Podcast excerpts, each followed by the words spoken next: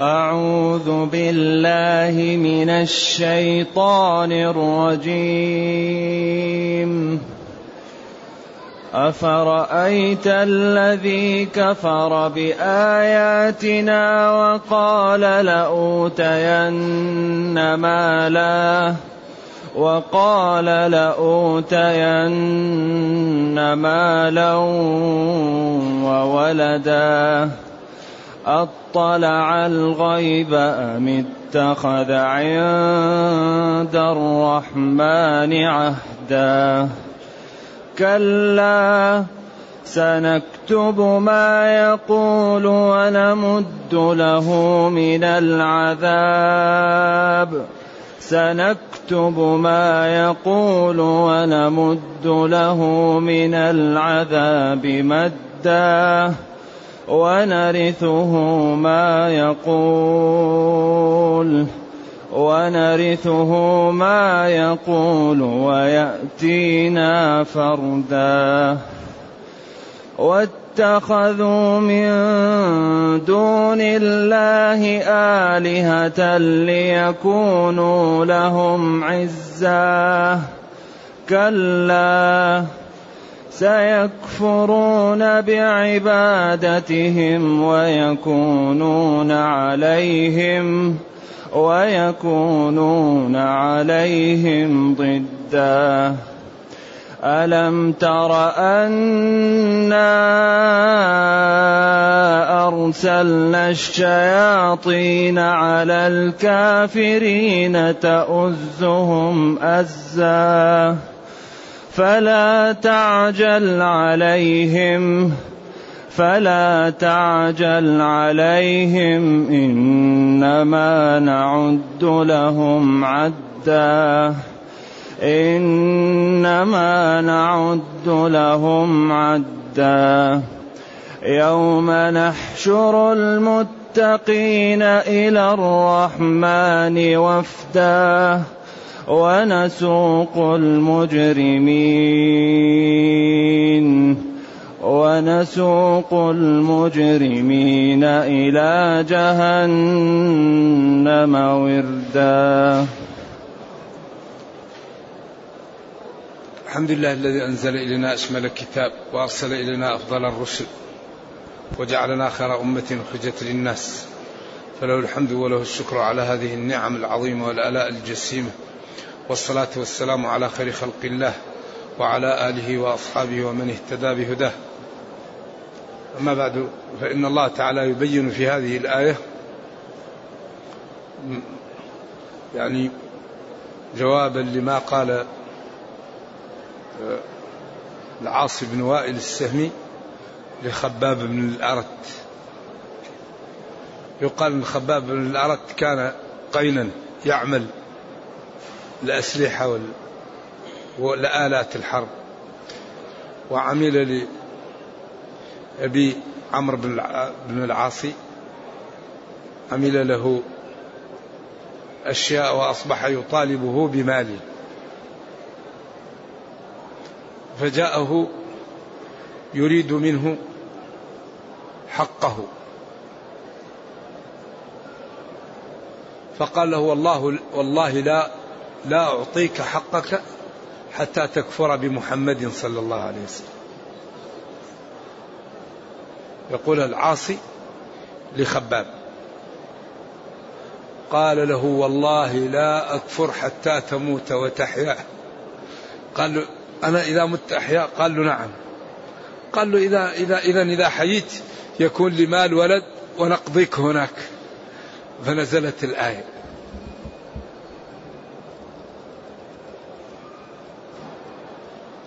إذا قال له ما دام أنا إذا مت أكون حيا إن شاء الله بعدين في الآخرة يكون عندي مال وولد إن شاء الله وبعدين نقضيك يعني أجرة الأعمال التي عملت لي. والأثر هذا في البخاري.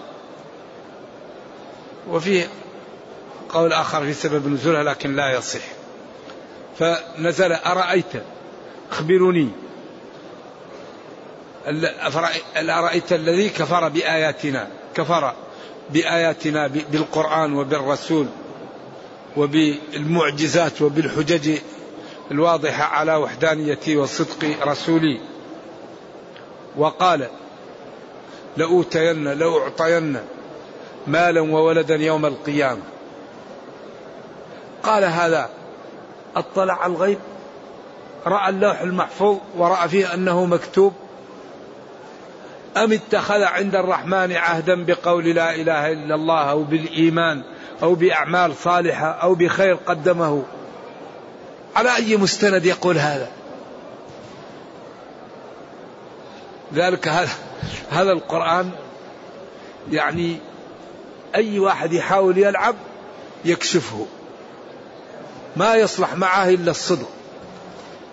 لذلك يعري المنافقين ويعري الكافرين. ويعري اللعابين. القرآن عجيب ما في.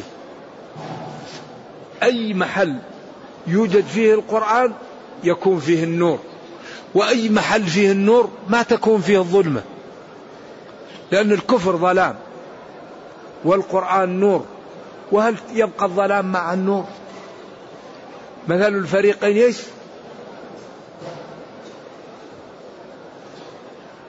هذا نور. ولذلك نور السماوات والأرض وقال كتاب أنزل مبارك فيه الخير وفيه البركة وفيه النفع وفيه الرفعة وفيه العزة وفيه المتعة وفيه النبل. الكفر قذارات. أبعد أن قال الله إنما المشركون؟ أنا غريب هذا الكلام. هذا كلام في غاية من البلاغة والوضوح والصراحة. ما في مجاملة هذا هذا وضوح. علما بأن القرآن دائما يعبر بالتعابير في غاية الروعة وقد أفضى بعضكم. أو لامستم النساء. وإذا مروا باللغو مروا كراما. شوف الكلام الجميل. وإذا مروا باللغو مروا كراما. وأفضى بعضكم إلى بعض. أو لامستم النساء. تعبيرات في غاية الجودة وفي غاية لكن هنا قال إنما المشركون نجس. هذا كلام من؟ كلام الله. إذا نتشبه بالنجس نتجمل بالنجس نجعل النجس قدوة لي. لا إله إلا الله. ما أبلغ هذا الكلام.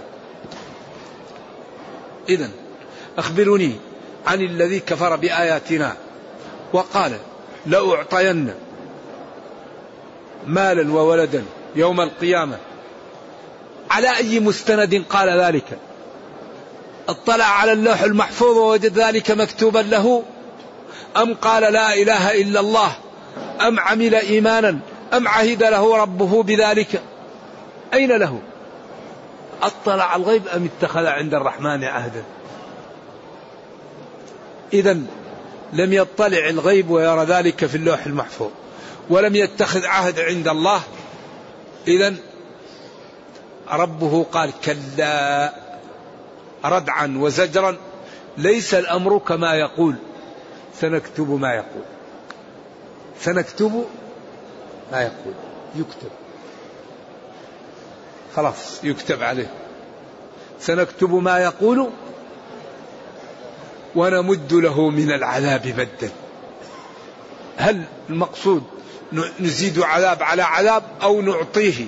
نمد له في الدنيا وفي الاستدراج من المنافع التي تؤكد له أنه على الخير وأنه على الاستقامة فيكون هذا المد هو مد في العذاب. لأنه يؤول إلى العذاب كما قال إن الذين يأكلون أموال اليتامى إنما يأكلون في بطونهم نارا. ما يؤول إلى النار. أو يوم القيامة يأكلون النار عياذا بالله. نمده. مد يعني مدد الشيء إذا زاده. يعني جاء مدد للجيش جاءت قوة تقويهم. مدد للشيء الذي عندك زدته. ونمد له نملل له في العذاب مدا. إما بالنعم التي تكون سبب في العذاب أو نزيده عذاب إلى عذاب يوم القيامة. ونرثه ما يقول. نرثه ما يقول للعلماء فيها قولان. قول نرثه نحن ما يقول حيث قال لأتخذن مالا وولدا ذلك يكون لغيره ولا يكون له يوم القيامة شيء. أو نرثه ما يقول من الكفر والضلال والبهتان نجعله يرثه فيأخذ حقه. فعبر عن العقوبة التي تحصل عليه بالكفر بإرث ما يقول. ثمرة ما يقول كأنه ورثه. ويأتينا فردا لا مال ولا ولد ولا صاحبة ولا جاه ولا عشيرة ولا رصيد أبدا. ويأتينا فردا إلا ما عمل من الخير معه. ويأتينا فردا. إذا هذا تهديد ووعيد وتخويف شديد. واتخذوا من دون الله آلهة ليكونوا لهم عزا واتخذوا هؤلاء الكفار من دونه من دون الله آلهة أصناما وعبادا يصرفون لها حق الله ويرجون منهم ما يرجى من الله ليكونوا لهم أي قوة وفخرا ومتانة كلا. ليس الأمر كما ادعوا بل هؤلاء سيكفرون بعبادتهم ويكونون لهم ويكونون ضدهم. يقول هم الذين أضللوننا ولذلك يوم القيامة وأقبل بعضهم على بعض يتلاومون.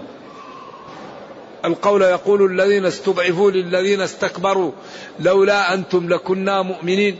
قال الذين استكبروا للذين استضعفوا. أنحن صددناكم عن الهدى بعد إذ جاءكم بل كنتم مجرمون. ما إذا ما ينفع. هذا الذي كان يعبده ليكون له قوة وعزة يوم القيامة لا يجد إلا ضده ويحاول أن يكون يجر إلى النار فلا يعضده ولا يساعده. إذا كلا سيكفرون بعبادتهم. يقول والله ربنا ما كنا مشركين ما عبدناهم ما لنا ما لنا بذلك من علم. ويكونون عليهم ضدا. يكونون ضدا لهم في الحجج ويقول هؤلاء كفروا وضلوا ونحن لا علاقة لنا بهم هم الذين ضلوا. ثم يقول جل وعلا ألم ترى أن ألم ترى يا نبي رؤيا بصر أو قلب أو هما معا أنا أرسلنا الشياطين على الكافرين. تؤزهم أزا. تعبير تؤزهم. تزعجهم وتهيجهم وتشليهم إلى الضلال. قم أنظر تحرك أفعل. تثير فيه الشهوة تثير فيه الشبهة تثير فيه الحماس تثير فيه النعرة. تؤزهم أزا. تحركهم وتزعجهم وتحمسهم على ما يؤول إلى إلى إلى إباقهم من الكفر والضلال. لذلك شياطين الإنس والجن دائما يساعدون بعض. وكثيرا ما يكون سبب إضلال شياطين الإنس شياطين الجن. لأنهم يساعدونهم. ويأتونهم بالخوارق ليكفروا. وكم من رجل كان عابدا وصالحا وتقيا لكنه على غير علم جاءته الشياطين وأضللته وكفرته. لأن هذا ألم ترى انا أرسلنا الشياطين؟ الشياطين معروفون. وهم المرد من من الجن يقال لهم الشياطين. كفرت الجن. وهؤلاء يرون ونحن لا نراهم. والله تعالى جعل لهم تسلطا علينا. يجري الشيطان من الإنسان مجرى الدم. يجري في الجسم. فيأتيه بالغضب ويأتيه بالشهوة ويأتيه بالحماقة ويأتيه بالشبهة الشياطين يأتوا بالشبه. يقال أن الشيطان جاء لقريش. وقال لهم سلوا محمدا عن الشاة تصبح ميتة. من الذي قتلها؟ قال لهم الله قتلها. قال لهم ما ذبحه الله تقولون حرام وما ذبحتموه تقولون حلال. أنتم أحسن من الله. فأنزل الله ولا تأكلوا مما لم يذكر اسم الله عليه وإن زعموا أن هذا بيحة الله. وإن الشياطين ليوحون إلى أوليائهم ليجادلوكم بقولهم ما ذبحتموه حلال وما ذبحتموه حرام. ما ذبحه الله حرام وما ذبحتموه حلال. وإن أطعتموهم في فلسفتهم الشيطانية إنكم لمشركون. إذا هؤلاء الشياطين يأتوا للواحد الذي يصلي. وهو على غير علم. فيقول له الشيطان أنا الرسول. هذا الذي تفعل طيب بس ينبغي تصلي بعد العصر كل يوم 12 ركعة. شو الفرق بين بين ما يأتيك من جهة المبشرات وما يأتيك من جهة الشيطان؟ أن الشيطان إذا جاك يأمرك دائما بالبدعة أو بالحرام أو بالأمور الطعن في الدين. ما يأمرك بشيء مستقيم. وإنما يعطيك الطعم الذي يضلك به. يقول لك صلي بعد العصر 12 ركعة أو سبع أو ثمانية ركعات. فإذا أردت تصلي قال لك واحد هذا بعد العصر تقول أنا جاءني الرسول وقال لي صلي. طيب الرسول صلى الله عليه وسلم بلغ وقال لا صلاة بعد العصر إيش؟ حتى تغرب الشمس. فلذلك الذي يحمي من, من الشيطان ومن وساوسه ومن البدع ما هو؟ الذي يحمي العلم. لا يحمي الأمة من الضياع إلا العلم أبدا. ولذلك إذا تعلم الإنسان أبصر. الآن بعض الناس يقول لك يا أخي أنا اللي نعمل ما يضر. نعمل عيد في يوم ليس بعيد. أعياد المسلمين كم؟ كم؟ ثلاثة. عيد الفطر وعيد الأضحى والجمعة. هذه الأعياد عند المسلمين عيدان في السنة وعيد في الأسبوع يجتمع فيه ومن أتى الساعة الأولى. فإنسان يعمل عيد. طيب ما رأيك واحد يجعل عيد ويجعله لازم يكون ديني؟ ما رأيك في هذا؟ مثل من يقول الصبح ركعتين وأنا نشيط إذا نجعل ركعتين نزيد عليها اثنتين ونجعل الفجر أربعة اثنتين لربي لأني نشيط. ما رأيكم في من يفعل هذا؟ هل يجوز هذا؟ بالإجماع هذا يبطل الصلاة. طيب هذه الصلاة إذا الدين من الله.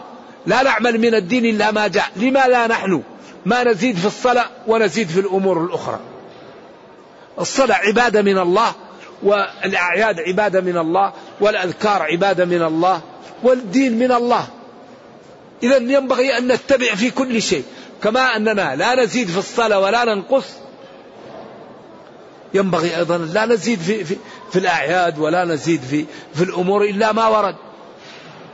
ما أطلقه الله نطلقه وما قيده نقيده وما لم يفعل ما, ما أمر به لا نفعل والعبادة لا يقاس عليها. ما نقول الكعبة بعيدة مثل بعض البلدان. يقولوا الكعبة بعيدة نحن نعمل كعبة عندنا ونطوف بها. ما يجوز هذا. الله هو اللي قال وليطوفوا إيش؟ بالبيت العتيق. وقال وأذن في الناس بالحج يأتوك رجالا وعلى كل ضامر يأتين من كل فج عميق. فنقول مكة بعيدة علي إذا نعمل في البلد كعبة ونجملها ونحط لها ستار ونحجها. ما يصح هذا. واحد يقول لك أنا أبقى أسافر وإذا طلعت الطائرة قبل الوقت ما نقدر نصلي إذا نصلي قبل الوقت. الصلاة قبل الوقت ما تصح لأن الوقت له وقت. قبل أن يدخل ما, ما هو وقت للصلاة. إذا صلى الصلاة باطلة ما تصح. إذا لا بد أن نعرف المواصفات التي تقبل بها العبادة. أهم شيء أن كل واحد منا يعطي وقت لدينه حتى العبادات التي أوجب الله علينا نعرف المواصفات التي مطلوبة بها فنؤديها على المواصفات المطلوبة فنأخذ الأجر كاملا في العبادة. أما الواحد يروح يحج ما يعرف متى يبدأ الطواف. ولا شروط الطواف ولا مبطلات الطواف ولا يعرف متى يبدأ السعي ولا مبطلات السعي ولا شروط السعي. ويذهب لعرفة ولا يعرف متى الموقف. وأن عرفة الذي لم يقف فيها في وقت وقت الموقف أن حجه فاسد. ولا يعرف أين يرمى الجمار ولا يعرف بما يرمى. ولا يعرف الوقت التي ترمى فيه. ويأتي ويصرف مالا كثيرا ووقتا كثيرا. ويكون الحج سبعين في المية منه أعمال غلط. هل هذا ينبغي يفعله عاقل؟ الذي يريد أن يحج أول ما يعمل يأخذ كتاب الحج ويدرسه. فإن كان قارئا فاهما يقرأ وإن لم يكن قارئا فيذهب لشيخ ثقة ويقول له أنا مسلم أريد أن نحج ما لا نفعل في الحج. فيدرس الحج أو يصحب شيخا عارفا يدله على مناسك الحج حتى يأخذ الأجر وحتى يسلم له حجه. الذي يريد أن يصوم يعرف مبطلات الصوم. في أشياء إذا عملها الإنسان فسد صومه. في أشياء إذا عملها الإنسان نقص أجر صومه. فلا بد أن نعطيه وقتا لديننا حتى نعلم متى تقبل العبادة متى تفسد متى يكون الأجر كاملا فيها متى يكون الأجر ناقصا.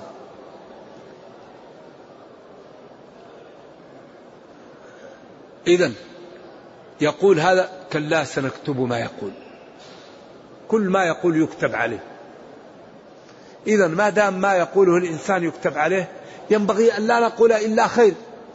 ينبغي أن لا نقول الباطل ولا نقول الكذب ويكون تناجينا بما لا بالأمر بالصدقة والمعروف والإحسان. لا خير في كثير من نجواهم إلا من أمر بصدقة أو معروف أو إصلاح بين. ما رأيتم ما أجمل هذا الدين؟ فلان فيه فلان قال فلان عمل لفلان. هذا ما في خير. أمر إلا من أمر بمعروف. يا فلان لا تخلف عن الجماعة لا تعق والديك لا ترابي لا تكذب لا توشي بإخوانك لا تظلم الأيتام. افعل الخير. أمر بمعروف.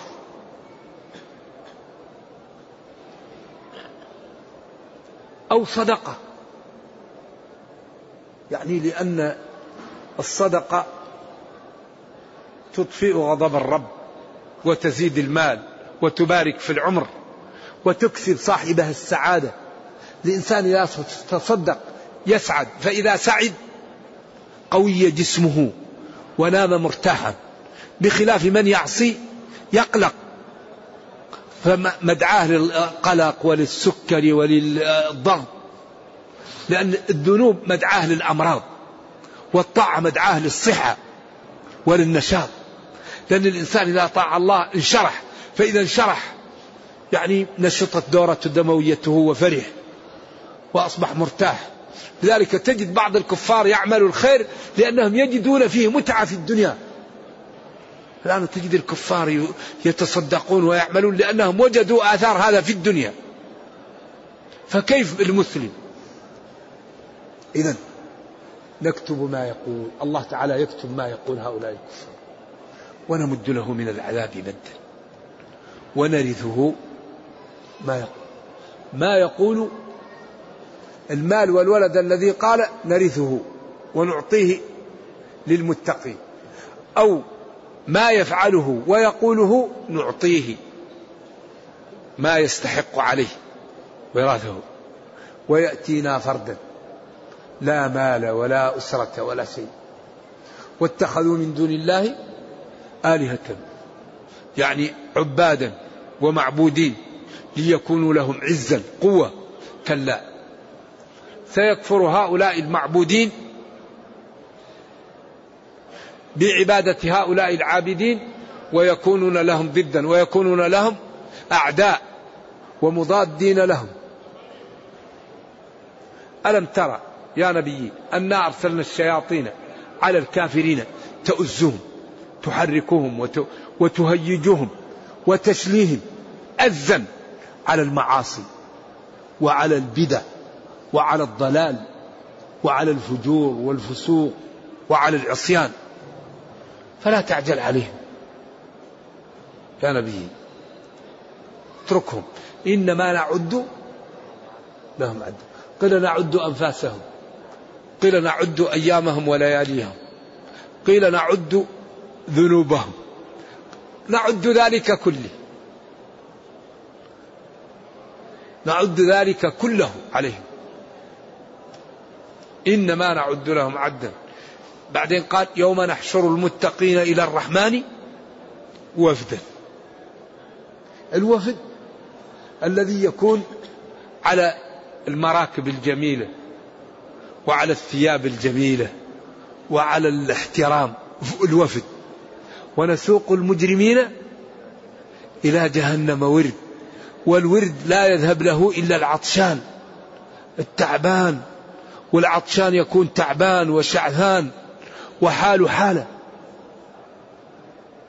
إذا المتقون وفد على على على الرواحل وعلى الحالة الجميلة. والمجرمون عطاش يذهبون يريدون الشرب.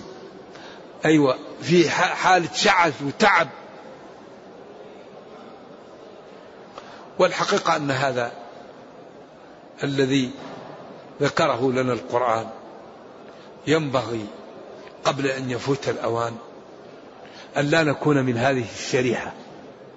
نحن الآن في الدنيا وأعطانا العقل وأعطانا العافية وأعطانا الفسحة.